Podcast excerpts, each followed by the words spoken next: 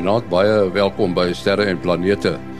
Ons het vanaand vir uh, Mati Hofman en Willie Koorts by ons.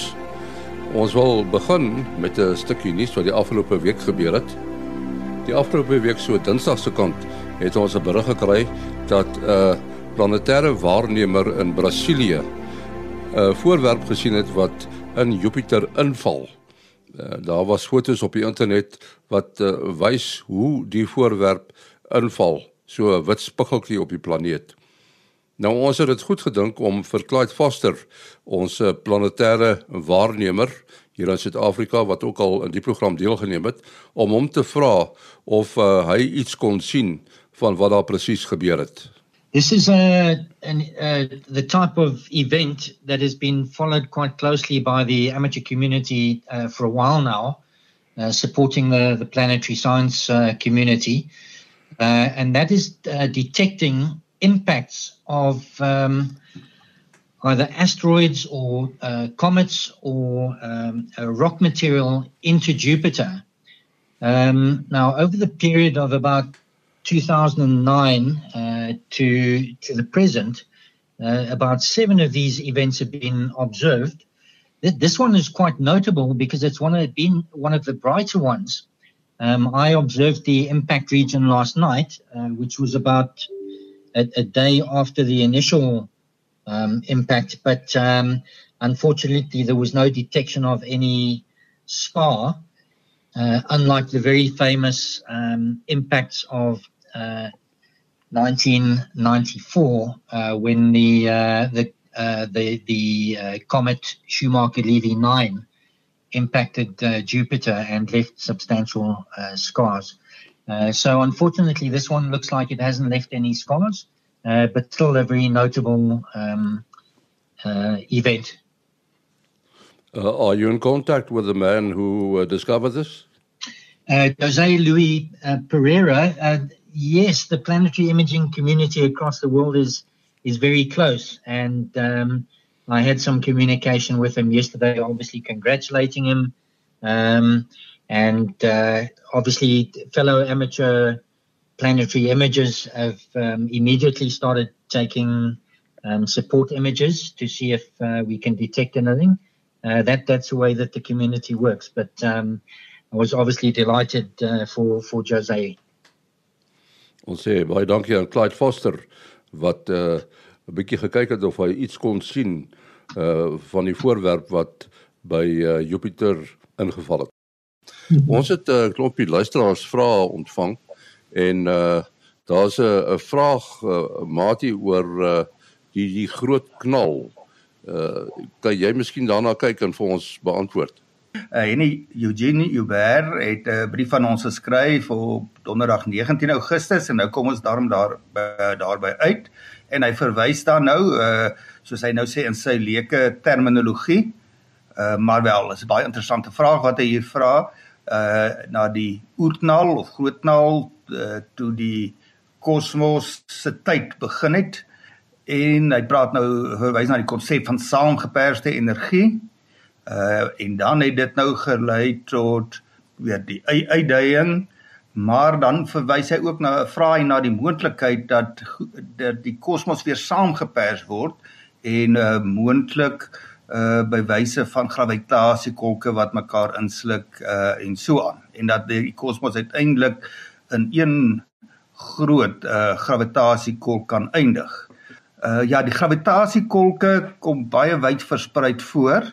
Ehm um, en kan massas hê van 'n paar sonmassas tot miljoene miljoene male die massa van die son. Byvoorbeeld in die middel van baie spiraalsterrestelsels uh is daar miskien miskien omtrent en almal van hulle sulke enorme uh gravitasiekolke wat saam wat gevorm het deur baie baie sterre wat ingesluk is deur 'n gravitasiekolk wat aanvanklik gevorm kon word bloot deur 'n ster wat supernova gegaan het en as 'n ster supernova gaan dan kan jy nou 'n gravitasiekolk kry met 'n paar keer 'n hele paar keer die massa van die son maar dan kan gravitasiekolke bots in een groter een vorm.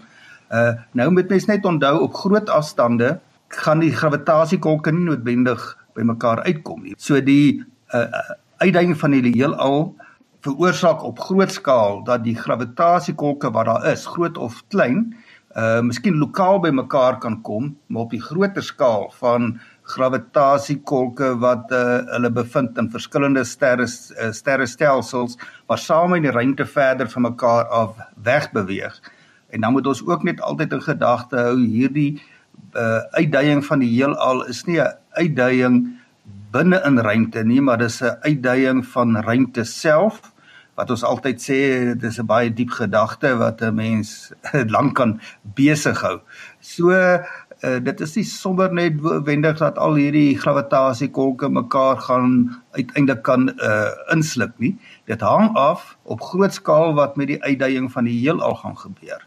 En dit hang weer af van die totale massa van die heelal en dan die ehm um, kompetisie as ware van die gewone gravitasie soos wat Einstein uh dit beskryf het en wat tot 'n redelike akkuraatheid ook deur ons wat ons van Newton se idee van gravitasie geleer het alle massa trek mekaar aan en dan is die die die beeld wat na vore kom is amper soos 'n 'n 'n bal wat mens opgooi en hoe hoër hy van die aarde af weg beweeg hoe stadiger gaan hy beweeg en as hy nie genoeg spoed gehad het nie en as die aarde se massa groot genoeg is, dan gaan hy iewers omdraai en dan uh en dan weer uiteindelik bots met die aarde. Uh nou hierso maak ons kan ons weer gebruik maak van uh van 'n analogie. Jy weet ons het seker almal toe ons uh, jonk was het ons 'n bal gegooi, 'n uh, lekker elastiese bal, cricketbal of 'n tennisbal dan uh kan ons so gooi of laat hop en dan wonder mens kan hy nou altyd ophou uh, aanhou hop ehm um, weet 'n sikliese proses. Maar ons weet uit ondervindinge hy gaan so 'n paar keer op en dan uh kom hy tot stilstand want met elke uh, botsing vind 'n bietjie energieomsetting na warmte uh toeplaas maar in elk geval die idee van 'n sikliese heelal wat uitdui en uiteindelik weer terugstort op homself en dan weer uh soos 'n 'n big crunch soos wat hulle dit self gee wat tot 'n verdere soort van 'n lei uh, uh, uh, lei as onder daar weer in hierdie samestortinge geweldige hoeveelheid warmte opgewek word en dan herhaal die proses op. Uh, hulle verwys na sikliese uh, modelle van die uh, van die heelal. Uh nou nogal interessant, die eerste persoon wat met so 'n konsep na vore toe geko gekom het was niemand anders as Albert Einstein in 1930 nie. So ons kan nou vir Eugene sê great minds think alike as hy nou so 'n sikliese uh, proses uh, voorstel. Uh, maar die die Einstein se model kon nie 'n uh, so 'n uh, goeie beskrywing gee in uh, versoenbaar met al die ander wette van die fisika nie. Onder andere weet ons dat uh, weens die tweede wet van die termodinamika ehm uh, neig die heel altyd die hele al altyd na meer wanorde. Uh so iets wat sommer net siklies is onbeperk. Dit is nie uh, dit gaan nie so mooi netjies werk nie. Daar gaan elke keer die proses gaan net nie presies dieselfde wees nie. Daar gaan al meer energie en ander forme wees as in hierdie uitdaging en uh, terugbeweging. Uh, maar in elk geval so 20 jaar gelede het 'n nuwe konsep na vore gekom deur name wat van party van ons sal ken, uh, Steinert van Princeton en dan Neil Turok. Turok dink amper hy kom oorspronklik van uh, van Suid-Afrika af. Uh Willie, jy kan dalk daarso help. Hy is van Cambridge Universiteit. En die uitdaging het nou gekom om te probeer 'n uh, 'n uh, 'n konsistente sikliese model daar te stel wat uh, al die groot wette van die fisika uh, gehoorsaam en uh dit moes ook die effek van uh van die donker energie wat 'n groot rol speel in die in die die groot proses van die uitdaging van die heelal en die tempo waarteen dit ge, uh, gebeur.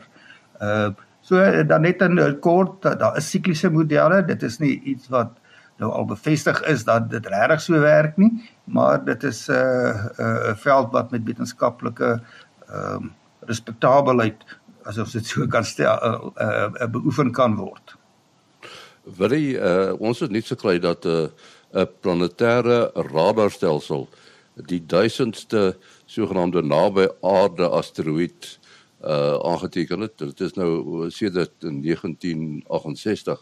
Miskien net eers uh, wat is 'n naby aarde asteroïde? Uh ja, uh nie presies seker, ek is nie presies seker van die definisie van wanneer dit naby is nie, maar dit is gewoonlik natuurlik asteroïdes wat uh, in die omgewing van die van die aarde beweeg. In die geval was dit 1.7 miljoen kilometer. So dit klink nou baie in in, in kilometers. Die meeste van ons voertuie kan nie daai afstand af lê nie, maar in die in die in die ruimte is dit natuurlik baie naby. Ehm um, daar dit gebeur natuurlik van tyd tot tyd dat van hierdie ehm um, asteroïdes selfs uh tussen ons en die maan uh, of die afstand uh, nader uh, as tussen ons en die maan uh deur beweeg en uh, en hulle is het, het natuurlik gewoonlik natuurlik bane um, wat beteken dat dit dit dit herhaal uh kort kort. So so rowweg sal dit nou so 'n paar miljoen kilometer uh, hierso hierso verby die verby die aarde kom draai. Ja dit is nogal interessant dat ehm um, die uh dit dit redelik uh, rotine amper geword dat uh van die die sogenaamde deep space netwerk wat ons al voorheen van gepraat het wat 'n uh, groepie antennes is uh gehoofsaaklik uh, in Gulf of America um en dan Madrid in Spanje en dan Canberra in in uh in in Australië um dat uh, dit is jou jou jou hoof um uh, klompie maar van die ander die Arecibo het natuurlik baie werk gedoen en ongelukkig die mos nou in mekaar geval 'n uh, ruk gelede. So hulle is besig om hom te herbou.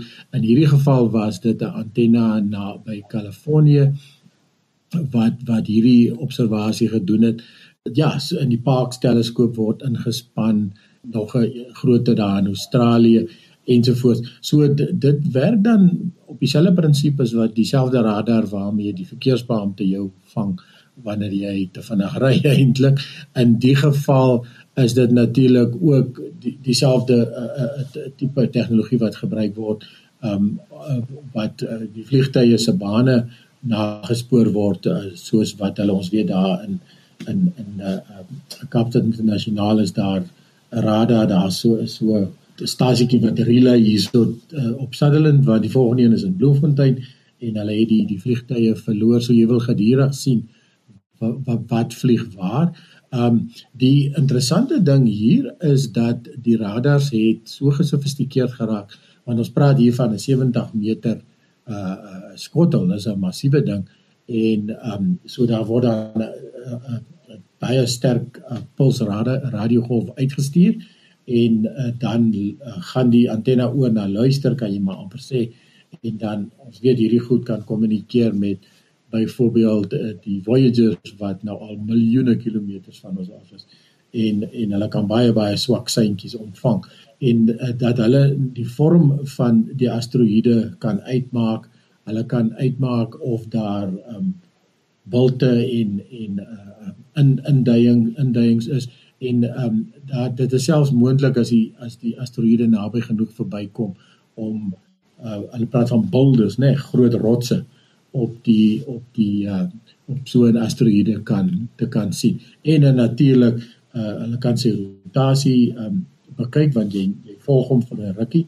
So jy kan kyk hoe die hoe die um die asteroïde roteer en uh natuurlik met 'n radar het jy onmiddellik die afstand en uh en die spoed. Uh dis natuurlik waar die waar die uh, uh verkeersbeampte jou vang. Uh, daai gedeelte wat hulle daar gebruik. En met al hierdie inligting kan jy natuurlik die baan uh van so 'n asteroïde en dit is natuurlik belangrik vir uh, asteroïdes wat naby die aarde verbykom dat ons hulle bane baie baie goed kan bepaal sodat ons kan weet as hulle volgende keer weer verbykom is daar miskien 'n kans dat hulle ons gaan tref of nie.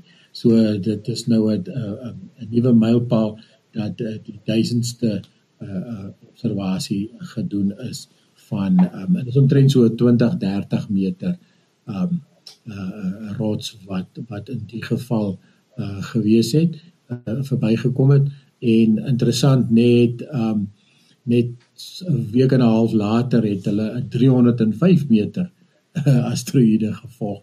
Um so dit is uh, uh dit is uh heeltyd goed wat soort van in die agtergrond gebeur met jy altyd eers besef nie. Mati, ons het al baie gepraat uh, in die program oor die uh, sogenaamde uh, die uh, deep space en die ultra deep space fotos van Hubble. En uh mens as jy nou daaraan dink, moet mens seker sê dat dit is van die mees merkwaardige fotos wat Hubble geneem het, nê? Nee. nee ja, dis bepaald so. 'n uh, 'n baie hoog aangeskrewe uh, wetenskapjoernalis Ethan Siegel uh het nou 'n artikel geskryf wat hy die vraag vra uh the, of die stelling maak this is a single most important image in astronomy's history. Uh nou as ons nou teruggaan na die vroeë jare van die Hubble teleskoop, uh hy's gelanseer in 1990, maar toe het hy 'n fout ge, 'n fout met sy spieël gehad en dis toe herstel en hierteen uh uh ja, in 1993, een van die twee ruimtemanne wat nou die uh, ruimtewandeling uh, onderneem het om nou die uh, korrektiewe uh, of herstellende optika vir die uh, teleskoop te gaan installeer was uh, Jeff Hoffman en hy het saam met Robert Williams Suid-Afrika 'n hele klompie jare terug hier so 2012 rond uh, besoek. Nou ek noem nou die twee name want Robert Williams was die direkteur van die Hubble uh, Hubble Hubble ruimteteleskoop of die uh, Space Telescope Science Institute uh, wat daar so wel uh, kos dink ek nou net die Baltimore in Baltimore in Amerika naby Washington is. En al twee daardie persone het ons is ook hier in Bloemfontein ontmoet so dit, dit gee net so bietjie vir my 'n uh, uh, gevoel van ek ken van die mense wat van die belangrikste werk gedoen het vir die sterrekunde en dit gefokus op die Hubble teleskoop wel hulle sal my dalk nie onthou nie maar ek onthou hulle baie goed uh en uh Dave uh, uh, Robert Williams het toe 'n baie riskante voorstel gemaak. Uh die Hubble teleskoop kon sê wat natuurlik 'n baie duur projek is. Mense kon aansoek doen en dan het 'n paneel het uh gaan uh die verskillende voorstelle hoe die mense die teleskoop wil gebruik uh, geëvalueer.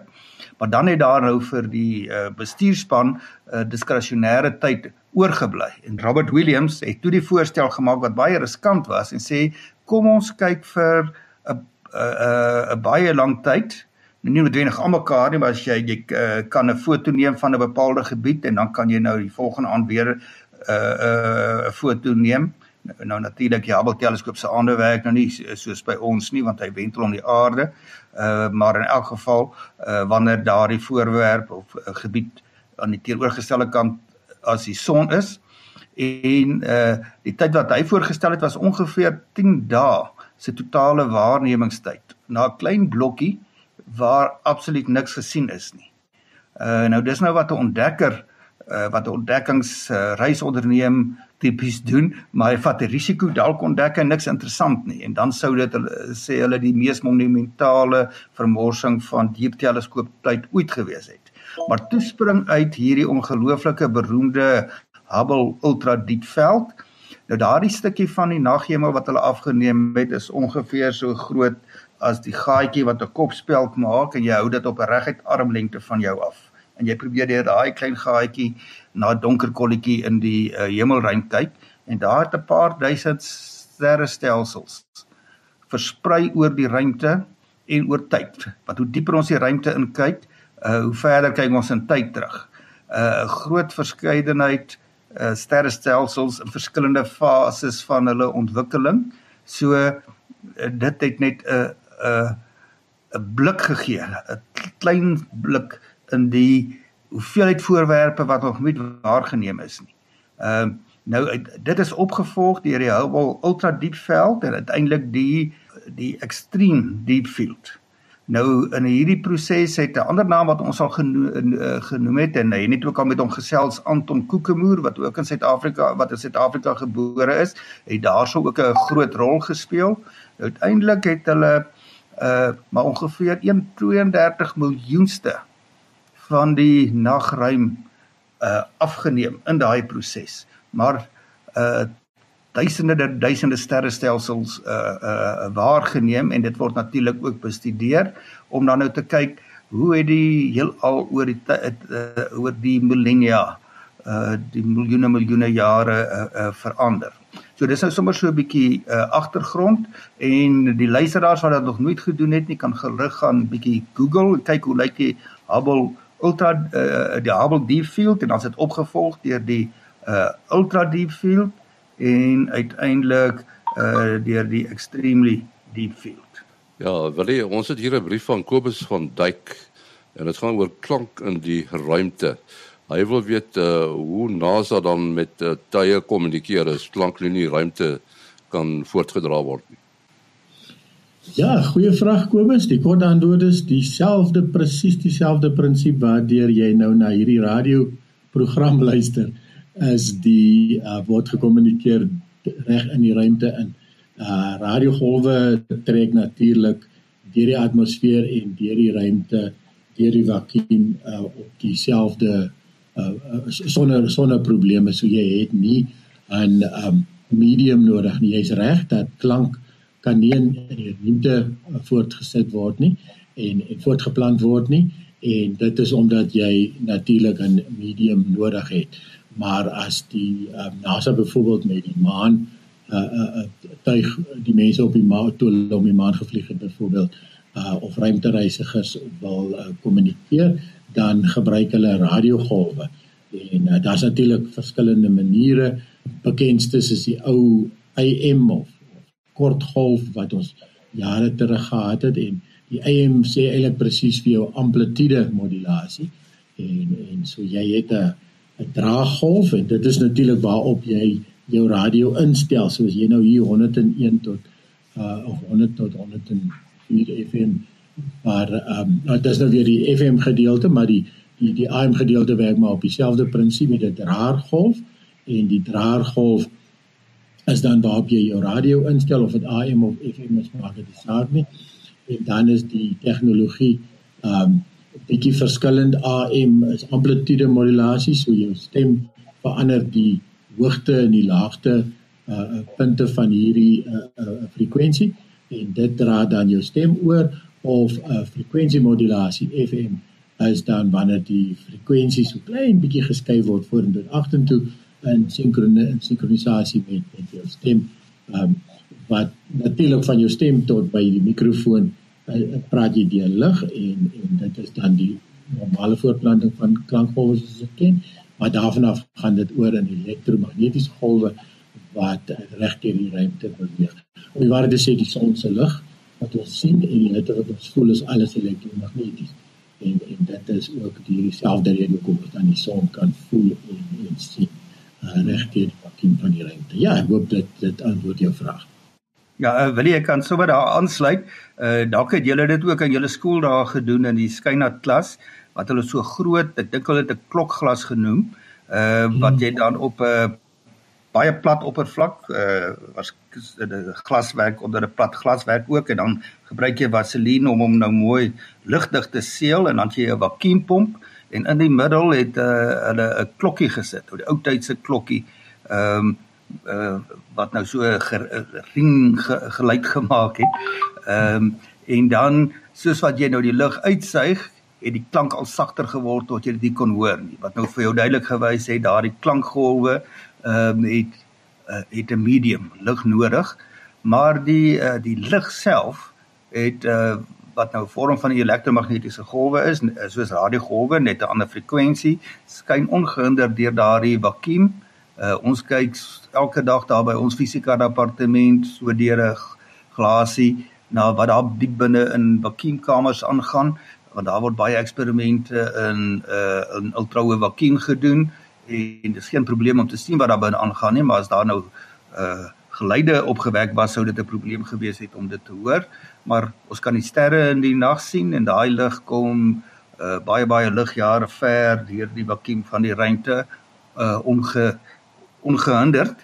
Uh dit was natuurlik nie altyd vir die mense uh, uh sonder probleme dat lig deur 'n vakuum kan beweeg nie. Hulle het 'n hipotetiese medium gepostuleer, die sogenaamde ether. Dit was nou hier die einde van die 1800s. Ehm um, maar die die medium sou baie baie vreemde eienskappe moes ge, gehad het om te verklaar hoekom die spoed van lig so hoog is. Dit sou 'n baie hoë starheid moes hê Ehm um, want hoe meer starre medium is, hoe vinniger is die spoed van uh van golwe daarin as jy nou 'n meganiese analogie uh, analogie neem. Ehm um, maar uh, ons kan dit nie voel nie. Ons beweeg beweeg ongehinderd deur die ruimte, die aarde en sy baan om die son. Ehm um, so dit moes 'n baie baie klein viskositeit hê. So hulle het nie geweet hoe kan jy met 'n meganiese model starheid en baie lae viskositeit met mekaar ry nie. En uiteindelik uh weens diepere redes ehm uh, het hulle uh, wat het Einstein aangetoon dat ons gehad het die konsep van die eter nodig het.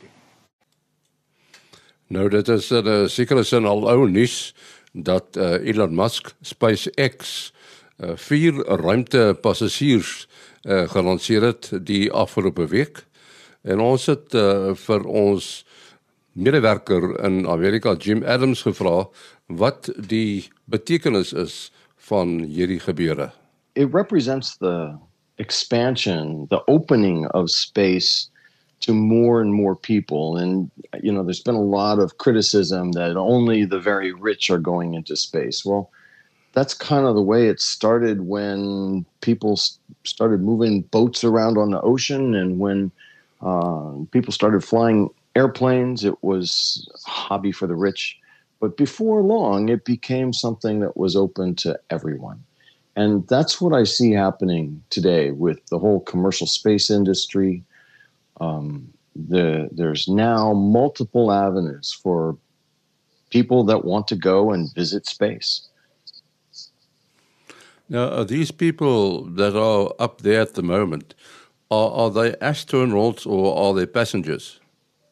Yeah, that's a good question. You know, uh, it's a huge debate. Do you call somebody who pays for a ride an astronaut, or do you uh, call them space tourists? And I, I, you know, everybody's going to have to decide themselves for themselves. But um, I, I tend to think of them as private astronauts. They've gone through training. They've qualified. They know what to do in an emergency. Um, you know, if somebody goes and and hikes on um, Mount Everest today, we don't call them a tourist. We call them, we still call them explorers. And, and I think the same is true here um, for people in this era that are going into space, regardless of how they got there um, financially. Now, controlling a, a craft like uh, this one, uh, is it uh, done automatically or do they control it themselves? Uh, the ground controllers are controlling the spacecraft, but the uh, the crew has uh, some rudimentary knowledge of things that must be done in an emergency or or to intervene if for some reason the ground control can't um, execute an operation. En dit was dan uh, Jim Adams daar in Amerika.